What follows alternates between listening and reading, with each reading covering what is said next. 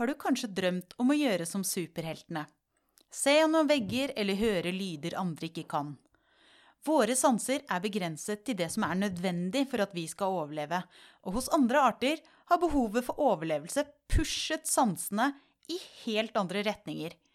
I denne episoden er vi nysgjerrig på hvilke supersanser som fins der ute. Og i studio sitter Vilde Onsson Lahlun Hallo, hallo! og jeg, Elina Melteig. Og Vilde, før vi setter ordentlig, ordentlig i gang, så har jeg lyst til å spørre deg, hvilken supersans ville du hatt? Det er jo ikke en supersans, men jeg skulle ønske jeg kunne fly. Men det skulle vel alle ønske. Ja? Ja.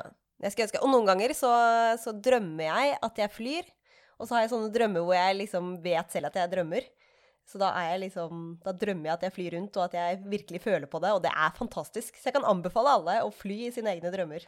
Hvis de får muligheten til det. Jeg, jeg skulle gjerne hatt sånn eh, ultra... Jeg skulle gjerne sett ultrafiolett lys, jeg. Ja. Det tror jeg hadde vært skikkelig gøy. Da, hva skal du bruke det til? Jeg vet ikke. Bare se på verden. Spennende. Alle supersansene man kan uh, ha. Fordi sanseinntrykk er jo noe som, som arter bruker for å orientere seg i verden. Og hvilke sanser du trenger, er veldig avhengig av eh, hvor du lever. Altså eksempel dyr som bor i en mørk kule eller noe sånt, noe, de mister ofte synet Mm. over tid.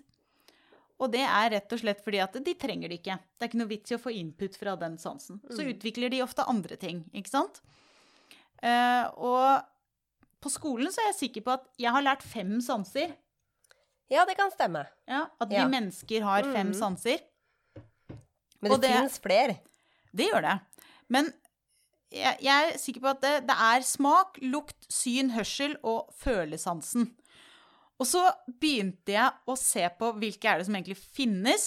Eh, og da er, har vi fotoreseptorer, som er lys.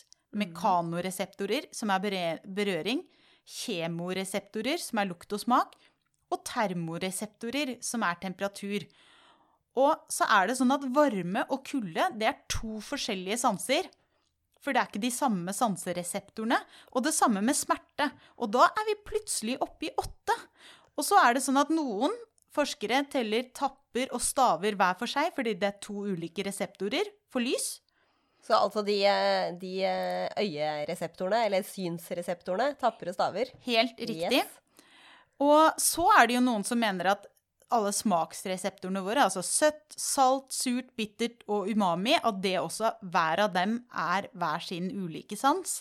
Mener du nå at de fem sansene jeg lærte på barneskolen, at vi har flere? Ja, det er noen som eh, Jeg tror jeg begynte å telle, og så var jeg oppe i 22. Og så er det litt sånn derre Det kommer helt an på hva man teller, og hvordan man teller det. Eh, og så har jo smertesansen har jo til og med i senere år fått sitt eget navn. På engelsk heter det nociception. Så vidt jeg kan forstå. Og da er det faktisk forskjellige smertereseptorer, avhengig av om det er på huden, i knær eller, eller albuen eller liksom i, i skjelettmuskulaturen. Og så er det eh, organer, altså sånn tarmene eller, eller hjertet eller, eller lungene et eller annet. Altså alle har ulike hver sine smertereseptorer, da. Så vi mennesker består av veldig mange forskjellige egentlig sansereseptorer. Mhm. Og når man begynner å tenke på det, da blir det jo litt mer, da gir det jo litt mer mening også at det finnes sanser der ute som eh, er litt utenfor hva vi egentlig klarte å forestille, seg, forestille oss. Og så kan man jo lure på hvem var det som egentlig kom på dette med fem sanser. Eh, og da kan vi, som med mye annet her i verden, skylde på Aristoteles. Nei. Jo. Er det han som kom på med fem sanser? Jeg tror det, eh, faktisk. Eh, Så um, det er jo litt, eh, litt morsomt. Og det har vi holdt på. Ja, det har vi holdt på. Og nå skal vi jo snakke om disse supersansene, eller annerledessansene, som man også kan kalle det. Har du lyst til å starte? Jeg har veldig lyst til å starte. Vi, skal jo, vi kan jo si at vi skal snakke om eh, sanser i andre arter enn mennesker, da. Ja, det er sant. Supersanser som eh, finnes eh, andre steder. Og jeg har lyst til å starte med Hva var det du sa at du skulle ønske du kunne igjen? Det var å se UV-lys. For mitt første eksempel handler om et dyr som kan se UV-lys. Åh, nå er jeg spent. Og det er ikke hvilket som helst uh, dyr, det er reinsdyr, faktisk. Hæ? Kan de se UV-lys? Reinsdyr som lever på vidda, er det noen forskere som har funnet ut av at faktisk kan se UV-lys. Kan jeg spørre hva i all verden skal reinsdyra med UV-lys? Ja, det kan du. Og det jeg har, gjort, var at først så fant jeg ut at reinsdyr kan se UV-lys. Det var veldig spennende. Og så gikk jeg inn og begynte å lese i denne artikkelen hvor de liksom prøvde å finne ut av både hvordan og hvorfor reinsdyr kan se UV-lys. Og det er en artikkel fra 2011 fra Hogg et al. som faktisk så på reinsdyr i Norge. Og prøvde å finne ut av eh, UV eh, Hvordan de liksom ja, detekterer UV-lys, da. Og det første disse forskerne gjorde, det var egentlig å se på Det var ganske mange reinsdyr. Jeg tror det var en flokk på tolv. Eh, ja, i hvert fall en del eh, reinsdyr. Og ett av disse reinsdyrene, de, det ble dessverre drept. Det er jo ikke så veldig hyggelig. Men så tok de og tok ut eh, øyet av dette reinsdyret. Og så dissekerte de liksom de forskjellige delene av øyet. Hornhinna og linsa og litt sånne forskjellige ting. For de ville se er det mulig for UV-lys å liksom komme seg gjennom linsa. Kommer det UV-lys? For hvis du kan se for deg at uh, lyset ikke kommer inn i øyet engang, at det blir liksom reflektert allerede der, da kan jo ikke reinsdyr se UV-lys. Men det de fant ut av, var at UV-lys kommer gjennom uh, linsa og hornhinna på reinsdyr, og treffer da egentlig liksom staver og tapper bakerst i øyet på, på um, reinsdyret sitt øye. Og dette kan reinsdyrene bruke. Og hva er det de ser som, som vi ikke ser? Jeg, det er jo derfor jeg sa den sansen, for jeg er sykt nysgjerrig. Og det var det jeg syntes var det mest spennende med dette. For det de i tillegg hadde gjort, var å se sånn Hva er det man egentlig ser når man er et reinsdyr på vidda? På sommeren så er det jo eh, ikke snø, så da ser man jo alt som man skal se. Men på vinteren så er det jo snø og is. Og snø og is, det reflekterer UV-lys veldig, veldig godt. Som betyr at da liksom alt som eh, Det blir jo bare hvitt, da, på en måte. Men da klarer du å se kontraster i ting som ikke reflekterer UV-lys. Og da er du kjempesmart. Og to ting for reinsdyret som ikke reflekterer UV-lys, er for det første lav, altså det reinsdyrene spiser, mm -hmm. som ofte finnes liksom litt sånn under, eh, under um, snøen. Men det betyr at det vil si, uh, reinsdyrene se som en slags kontrast, fordi lav reflekterer mindre UV-lys enn bare snø. Så reinsdyrene bruker dette da til å finne mat er det forskerne tror. Så de kan, er det nesten som at de kan se litt gjennom snøen, på en måte? Ja, det, var, det er det de har kommet fram til. Og eh, lav tror jeg også kan være ganske sånn hvitt. Så å se liksom forskjell på da hvit snø og hvit lav, er jo da fordi lav ikke reflekterer UV-lys på samme måte som snø gjør. Kult. Og enda mer spennende, og enda mer gøy, syns jeg, er at et av de store utfordringene til reinsdyr på vidda er jo at de blir spist av ulv ja. og angrepet av ulv. Og ulv de eh, blir jo ofte lyse og hvite og kamuflerer seg på vinteren i snøen. Men en ulv reflekterer jo ikke UV-lys. Så hvis du ser eh, Jeg så et bilde på internett hvor de da hadde tatt et bilde med et UV-kamera på liksom en snøfylt slette med is med en ulv på. Da kommer den ulven som da egentlig er kamuflert med hvit pels, men siden den ikke reflekterer UV-lys, så synes den som en sånn svart ulv i det reflekterte snølandskapet. Og da er den plutselig ikke så kamuflert allikevel. Ikke sant? Så da kan reinsdyret bruke UV-lyset for å da eh, identifisere ulven, selv om den er kamuflert i snøen. Og finne mat. Og finne mat. Så vår, vår kjære Rudolf har lett og slett UV-supersiden. Ja. Det, det, er litt gøy å tenke på nå. Og at han trenger det. Ja. Det syns jeg var kjempegøy. Og eh, noe annet jeg syns var veldig gøy med denne, var at de har jo eh, tenkt litt på hvorfor ikke f.eks. reinsdyr eh, blir sånn snøblinde som vi blir.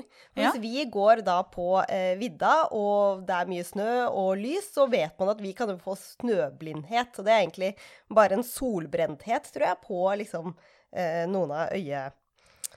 Netthinna vår. At vi kan bli litt solbrente. Men det blir ikke reinsdyr. Så de tar ikke skade av UV-lys på samme måte som det vi gjør, noe som gir mening siden de faktisk kan bruke UV-lyset til å se. De har rett og slett utvikla seg til å tåle, tåle den lysintensiteten, eller lysbelastningen, som man kan kalle det. Ja. Ja. Det er jo for så vidt eh, fornuftig, men, men vet du noe om Er det sånn at andre dyr som lever på vidda, i snøen, også har det? Eller er det bare reinsdyrene som har en sånn supersans, og som da blir et fortrinn overfor ulven? Jeg prøvde å finne ut av det, og det jeg uh, leste på, var at i hvert fall isbjørn ser ut som ikke kan se UV-lys. Nei. Det er jo nesten litt, eh, litt rart, med tanke på Ja. hvor praktisk det høres ut, da. Så det kan jo hende at det er et eller annet som jeg ikke Eller en forskning ikke jeg har fått med meg på akkurat isbjørn, men i hvert fall det jeg leste på isbjørn, så kan de ikke se UV-lys. Og de kan eh, Ja, så de kan ikke bruke den, den fargen. Og det kan jo hende det gir mening, for de har jo ingen rovdyr å passe seg for. Og maten de spiser, er jo heller ikke kamuflert på samme måte, eller Så det kan godt hende at det er eh, eh, ja, at det er eh, spesielt for akkurat reinsdyr at de kan bruke UV-lys og se det. Og det jeg syns var ekstra spennende at de kom fram til, var at reinsdyrene de har ikke noe egne eh, syns... Eh, em, hva var det du kalte det? Sanser? Reseptorer? Ja. Du kalte jo staver og tapper. Ja. De har bare vanlige staver og tapper som vi har. Men dem staver og tapper kan bruke liksom UV-lys, men det kan ikke våre. Så de har ikke en tredje slags synsreseptor som er UV-reseptoren. De Nei. har helt vanlige. Så, Eh. så de har bare måte, på en måte For det er jo to måter å se på sanser på. Altså Enten så har man en annen sans, altså en annen type reseptor som tar imot sanseinntrykket. Mm. Eller så er det på en måte en utvidet mottagerfunksjon. Altså at det, det tar imot det samme og til samme reseptor, men, men det, det har på en måte en større range, er jo det veldig fine Ja. ikke-norske ordet på dette.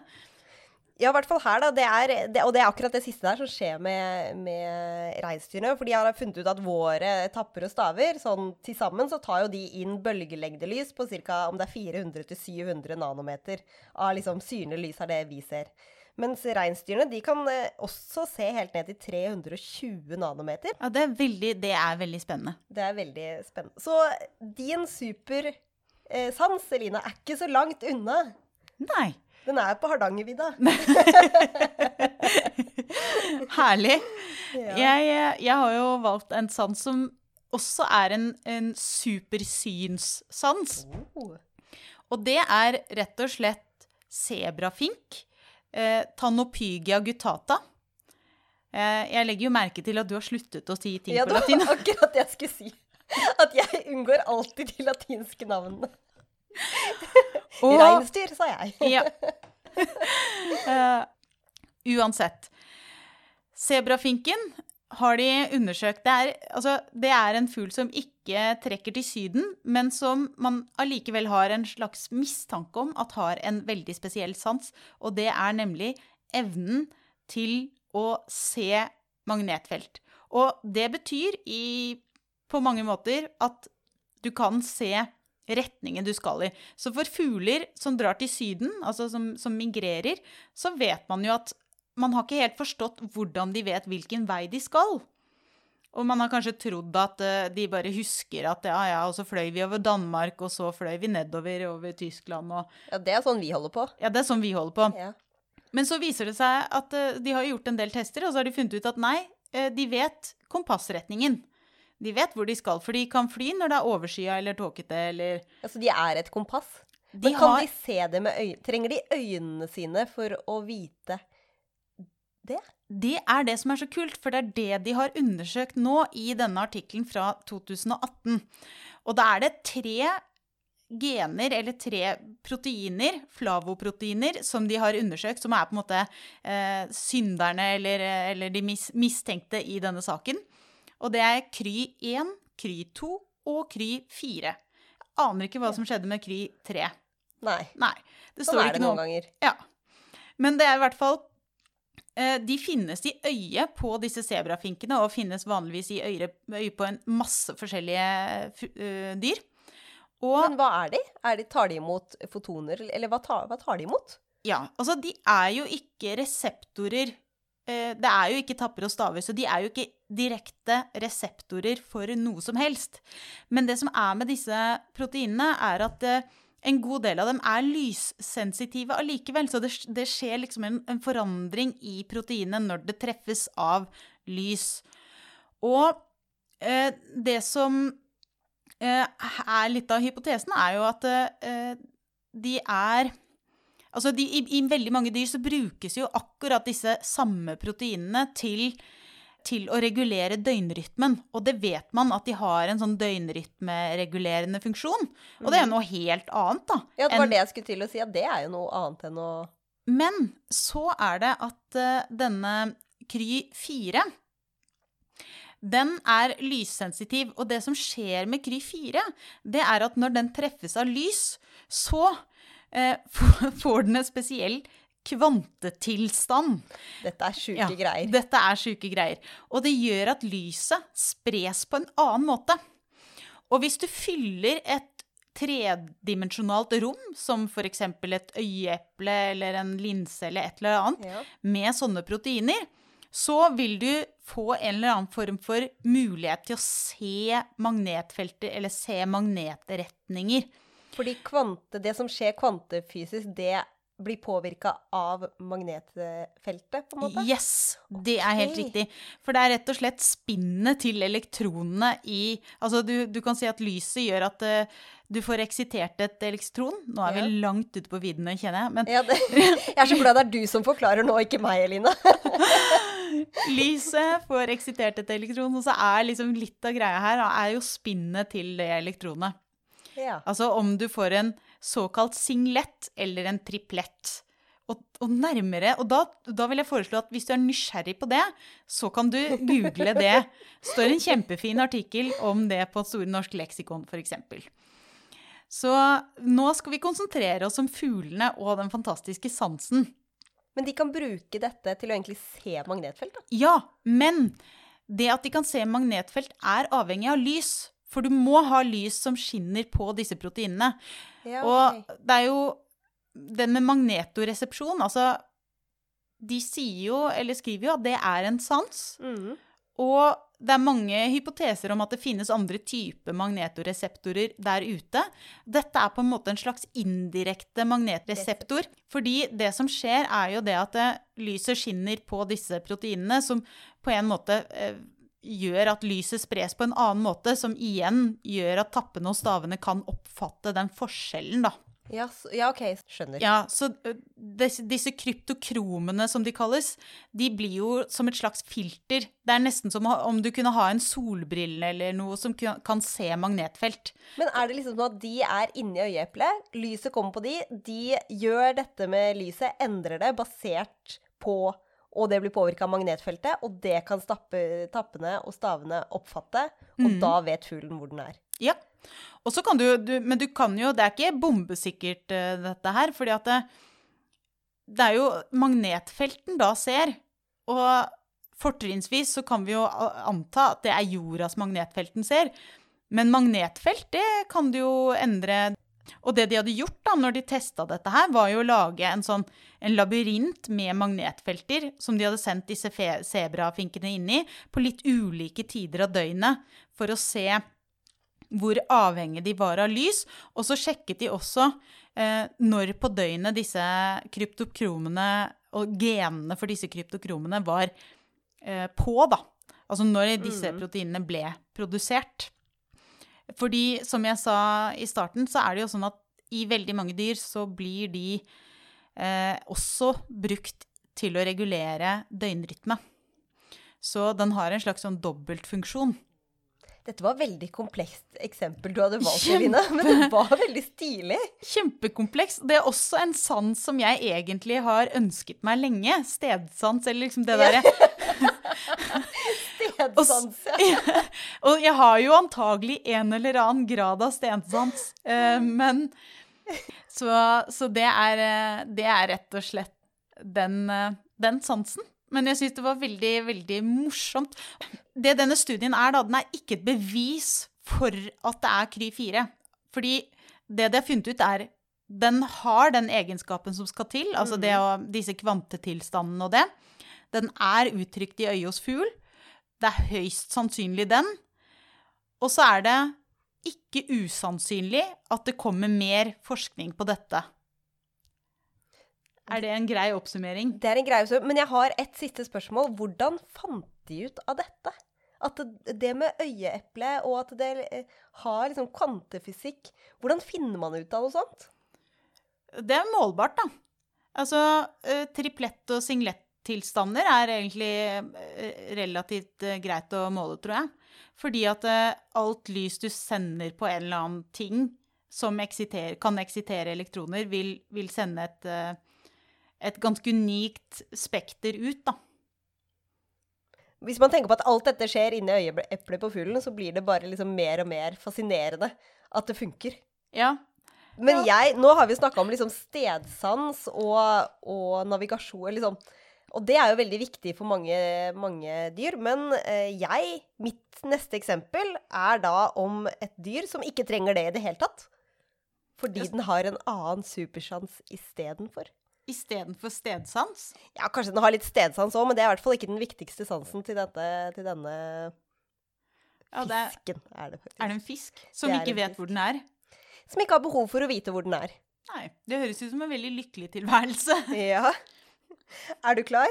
Jeg er veldig klar. Mitt eksempel nummer to på en art med en, det jeg ville kalt en supersans. Da skal vi dykke ned. Vi skal dykke ned til ferskvann, i ferskvann. Og vi skal dykke ned til grumsete, lite oksygenrikt ferskvann. Og det, grunnen til at jeg mente at de ikke trengte så mye stedsans, er at det er veldig grumsete, så disse fiskene ser ikke så mye, for det er ikke så mye å se. Og vi skal til fisken, som på norsk heter maller, og på engelsk så er det catfish. Og det som er supersansen med disse fiskene, er at istedenfor å liksom se byttet sitt og se eh, omgivelsene sine, så smaker de på det. Det høres jo kjempefint eh, ut. Mennesker, har jeg funnet ut av, har sånn ca. 10 000 smaksløker, hvis det er det vi skal kalle de. Og en fisk, denne fisken, kan ha mer enn ti ganger så mange.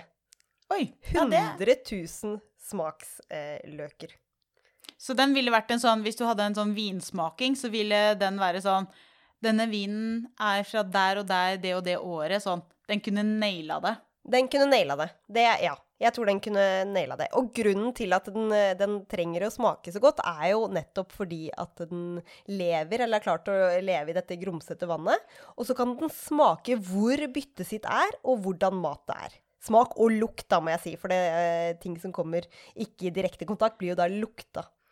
Og det som jeg synes var så utrolig kult med denne fisken, og som er egentlig det paperet jeg skal, skal snakke litt om i dag, som er Det er et japansk navn. Nakamura et al. 2017. Herlig. Takk. Man har visst veldig lenge at disse malerne har hatt veldig veldig god smakssans. Men de ønska å studere hvor er det disse smaksløkene sitter, og hvordan er det liksom distribuert, og hvor mange er de. Så det de gjorde, Nakamura et al., det var å egentlig bruke noe som heter immunokjemi på norsk. Immunokjemi. Og da kan du egentlig fargelegge helt spesifikke celler ved hjelp av antistoffer. Og de valgte da å fargelegge alle smaksløkene på fisken og se hvor smaksløkene er. Og de fant ut at det er smaksløker overalt! Overalt! Fisken er full av smaksløker. Så hele den er liksom Den kan lukte med hele kroppen, og så svømmer den rundt i liksom skikkelig gjørmete, grumsete vann. Ja. Det høres egentlig helt forferdelig ut. Ja, ja, det høres egentlig helt forferdelig ut. Og når du sier det på den måten, så er det gøy at jeg kaller det for en supersans. Det høres, Det høres ut som et mareritt. Ja. Du har tunge over hele kroppen, og så må du liksom rulle i bæsj. Det er omtrent det det ja, høres ut som. Og den lukter alt. Å nei. Ja, så det, eh, det gjør de. Eh, Det disse forskerne gjorde, det var at de tok ti sånne catfish fra Japan, en japansk eh, art, fargela alle smaksløkene, og de kunne finne ut at blant annet så er det smaksløker på finnene. Oi. Så halefinnen er full av smaksløker. Ryggfinnen full av smaksløker. De fant ut at det var smaksløker på liksom skjegget til fisken. Oi.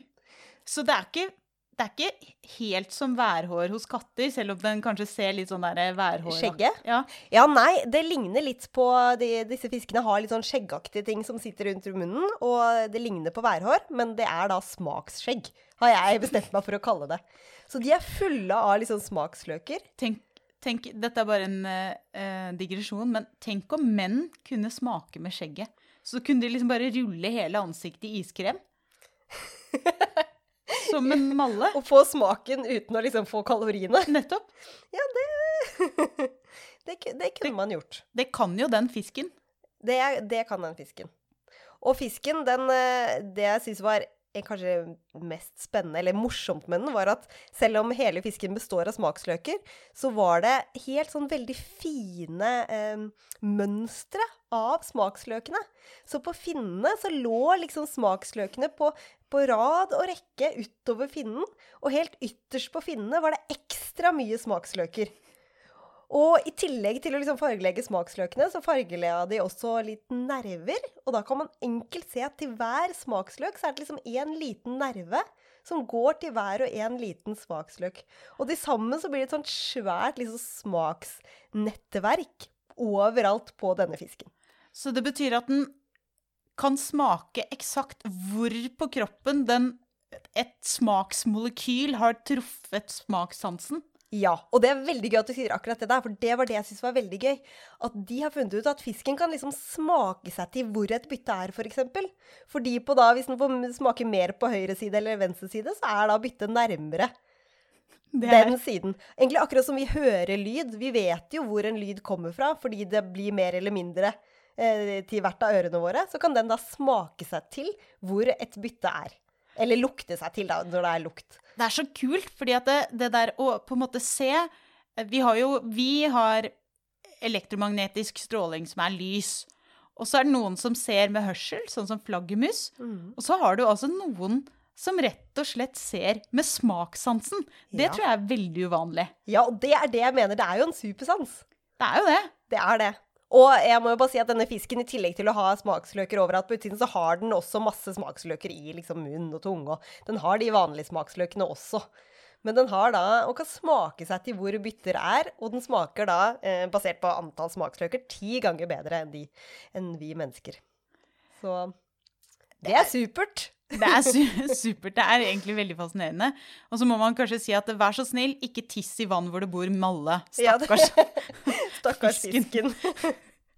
Um, nei, men det var eh, Det er egentlig veldig kult. Veldig kult eksempel. Eh, Jeg har også et vanndyr, faktisk, som neste eksempel. Ja. Og det er Det er nebbdyret. Det er, et, eh, det er en god, gammel eh, favoritt. Eh, Det er et pattedyr, men den legger egg, og den, passer, den har nebb. Den passer egentlig ikke inn sånn veldig. Og for en god tid tilbake Denne artikkelen er fra 1986. Oi, men så jeg- gøy at du har en gammel artikkel. ja, jeg har tatt den med allikevel. Og det er fordi at nebbdyret, Ornitorynkus anatinus eh, og, ja, Eller okay. nebbdyret, som vi ellers kan kalle Yes, det. jeg syns vi skal kalle det nebbdyret. Og det som er veldig gøy med nebbdyret, er at man trodde jo at nebbet hos nebbdyret er litt som et andenebb. At den, man ser at når den svømmer, så svømmer den sånn at den liksom sveiper dette nebbet over bunnen for å lete etter byttedyr. Man har alltid trodd at den kjente seg fram. Ja. Fordi den lukker jo øynene under vann, Mm. så den kan ikke se noen ting. Den, eh, så det må være noe med nebbet. ja. Og så, i denne artikkelen, så fant de ut at nei, den har en sans som heter elektroresepsjon. OK. Så det betyr at den kjenner elektriske felter Med nebbet. med nebbet. Og det er kjempe, kjempe, kjempesært. Og det er rett og slett hva bruker den det til? Ja, det, fordi at eh, byttedyret er sånne små krepsdyr og sånn Ja. i mudderet, så du kan ikke nødvendigvis se dem. Og det er ikke sikkert det er så veldig lett å lukte dem heller, med Nei, mindre ikke du hvis du er en maler. Eh, med mindre du er en malle. Så det som er, er at den eh, Du kan si at når en muskel trekker seg sammen, så er jo det et slags elektrisk signal. Klarer nebbdyrene å kjenne Yes. elektriske signaler inni Det er akkurat det de kan. Det er det som er så utrolig kult. Det er Man har liksom alltid trodd at det var mekanoreseptorer, altså berøring, og så er det ikke det. Det er en elektroreseptorer. Og den kan måle helt ned til 50 mikrovolt per centimeter. Hvor lite er det? Det er det samme som hvis du tar en sånn skann av hjernen hvor du har masse sånne elektroder utenpå hodet, så opplever hjernen en spenning på 50 mikrovolt. Så det betyr at hvis du, har, hvis du klemmer et nebbdyr, så kan den se hvor i hjernen det er aktivitet. Oi! Yes. Det er helt sjukt. Eh, Jeg er ikke så veldig redd for å bli tankeovervåket av et nebbdyr, det må jeg bare si, men, men eh, det er litt gøy at den kan faktisk det. For den, eh, den sanser rett og slett de elektriske feltene. Så når den dyk, dykker, da, eh, så er jo det det den bruker for å finne byttedyr. Og så oppdaget forskerne det ved at de la et aktivt batteri, en død reke og et dødt batteri i et basseng. Og så var det sånn Og så hadde de rett og slett 88 forsøk. Jeg vet ikke om det var 88 dyr, men det var i hvert fall 88 forsøk. Og da var det ett av dyrene som faktisk hadde 100% suksessrate på å finne reken.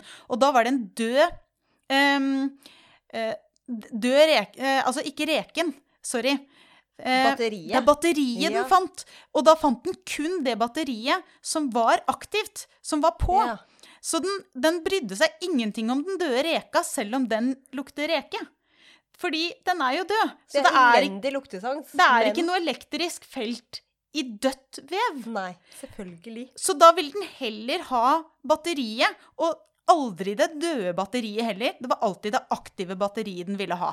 Det er så fascinerende. Det er kjempegøy! Så, og jeg bare tenker, det er en litt sånn det er en litt morsom sans, rett og slett. Og så tenker jeg nebbdyret. Det er jo så rart. Det er slutter aldri å overraske.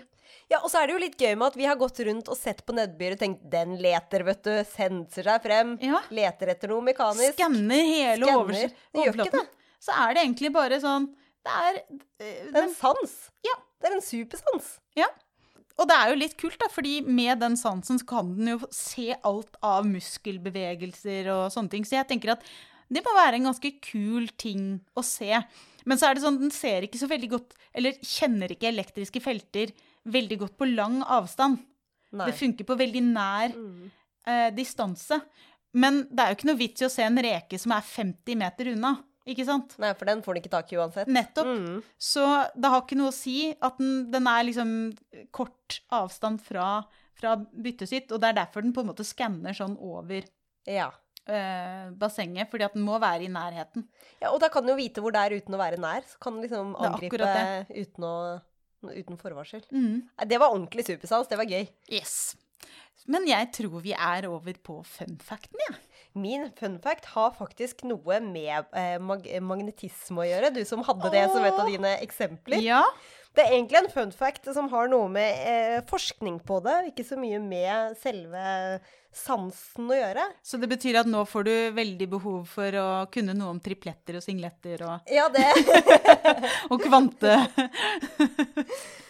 Nei, men det eh, jeg skal frem til, er at dette skjedde da i 2014, hvor noen forsker på eh, C. elegans, som er liksom forskningsmarken. Det er den rundormen som vi har vært inne på før. Og eh, man visste egentlig ikke noe om den ble noe påvirka av liksom, magnetisme i det hele tatt. Men så var det noen som skulle studere denne C. elegans rundormen fra forskjellige steder i verden. Så da fikk de liksom eh, rundorm både fra nordlig og sørlig halvkule. Og så så de at alle de fra den sørlige halvkule begynte liksom å strekke seg feil vei. og det viser at grunnen til at de gjør det, er for nettopp fordi de kan sense magnetfeltet. Og så Åh. tror de at de er i Australia, men så er de i Europa. Er det sant? ja. Så sånn fant de ut at å ja, denne forskningsmarken vår, den, den kan uh, detektere magnetfelt. Hva skal den med det? Nei, det vet jeg ikke. Er det ikke sånn Eh, at den har fire Jeg tror jeg Jeg tror det er for å finne jorda, ja, på en måte. Ja. Ja. For jeg tror jeg har lest et sted at den har fire hjerneceller. Ja, det kan sikkert stemme. Den har jo bare jeg tror det er litt over 200 celler, hele markene. Ja. Men jeg synes det var veldig gøy med litt sånn, det var veldig rart i den skålen her at alle disse markene strekker seg feil vei. Det var jo merkelig. Så er det jo fordi de er fra Australia, da, og ikke fra Europa. Så sånn skjer forskning. Å, det er gøy. Det er veldig, veldig gøy. Jeg har, jeg har en eh, fun fact om et dyr som eh, som har Altså, det er på en måte Det er en sans som vi også har, på en måte, men den er mer ekstrem, og så bruker den et annet organ. Og det er nemlig narhvalen. For den Mm. ser med tanna. Den ser med tanna. Ja, den ser med tanna. Fordi narhvalen Og det, det beste av alt er at det er ikke alle narhvalene som har tann. Å nei! Stakkars. Og så, og så er det egentlig kjempesært. For det er noen det, det vanligste er vel at de har én, og så er det noen som har to. Og så er det Ja. noen som har ingen. Og da er det ofte hundene som ikke har, da. Ja. Um, og det som er enda mer sært med disse tennene, er at den kommer ofte fra én side av munnen, så den er litt skeiv. altså, den er ikke midt på. Den er ikke midt foran. Den er liksom litt sånn på siden av hodet. Men har de øye i tanna? Nei. Nei. Der, nei, det har de ikke.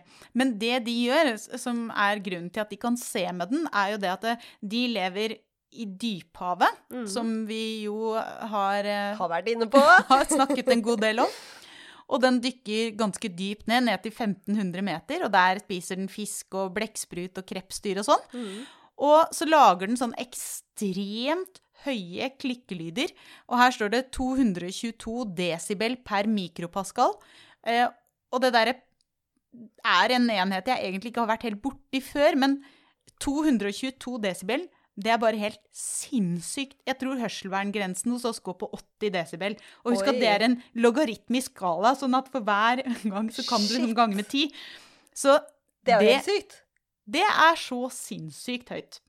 Og det, den lager det som en sånn sonar, og det er den mest eh, Altså, de kaller det for den mest retningsstyrte biosonaren, fordi at eh, den er jo Narhvalen bor jo eh, i områder hvor det er en del is, så den har på en måte noe hardt oppå, og så har den bunnen under seg. Og da vil jo på en måte ekkoet fra, fra overflaten eller isen og ekkoet fra bunnen vil jo forstyrre signalet, så da har den utviklet seg sånn at den eh, lydstrålen, kan du kalle det, den treffer veldig, den er veldig sånn retningsstyrt. Og så skanner den da, akkurat sånn som nebbdyret på en måte, så skanner den havet med den eh, lyden.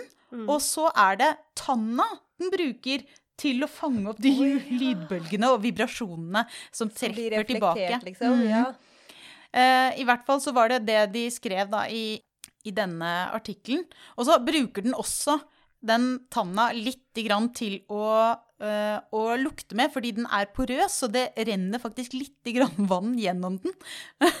og i roten av tanna så fins det en eller annen form for lukteorgan, så det er egentlig en super dobbeltsans, den tanna der, da. Og så gøy at noen ikke har den. Ja! Og jeg vet ikke. Jeg, det står ingenting om hva de som ikke har den, gjør. Um, det er eh, Det syns jeg er skikkelig merkelig, egentlig. Det latinske navnet er jo da monodon monoceros. Da tror jeg vi gir oss der, og så kan vi bare si at eh, vi blir jo superglade hvis du liker og deler podkasten. Så hvis du syns det var gøy, så prøv å overbevise vennene dine om å høre på det også. Da blir vi kjempeglade. Det blir vi. Mm. Takk for i dag. Ha det bra.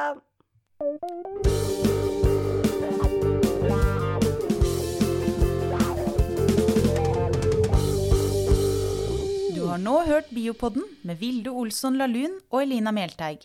Og med på laget har vi også Torborg Galtland, daglig leder i Norsk biologforening. Denne episoden av Biopodden er laget i samarbeid med Tidsskriftforeningen, med midler fra Fritt Ord. Podkasten utgis av tidsskriftet Biolog, som eies av Norsk biologforening. Musikken du hørte, er laget av biologibandet Overgump, som består av Even Sletteng Garvang, Markus Fjelle, Erik Møller, Mathias Kirkeby og Audun Rugstad. Fortell gjerne om podkasten til venner og kjente, og gi oss tips og tilbakemeldinger på e-posten biopodden alfakrøllbio.no. Og hvis du vil støtte oss, så er du hjertelig velkommen som medlem av Norsk biologforening. Vi høres!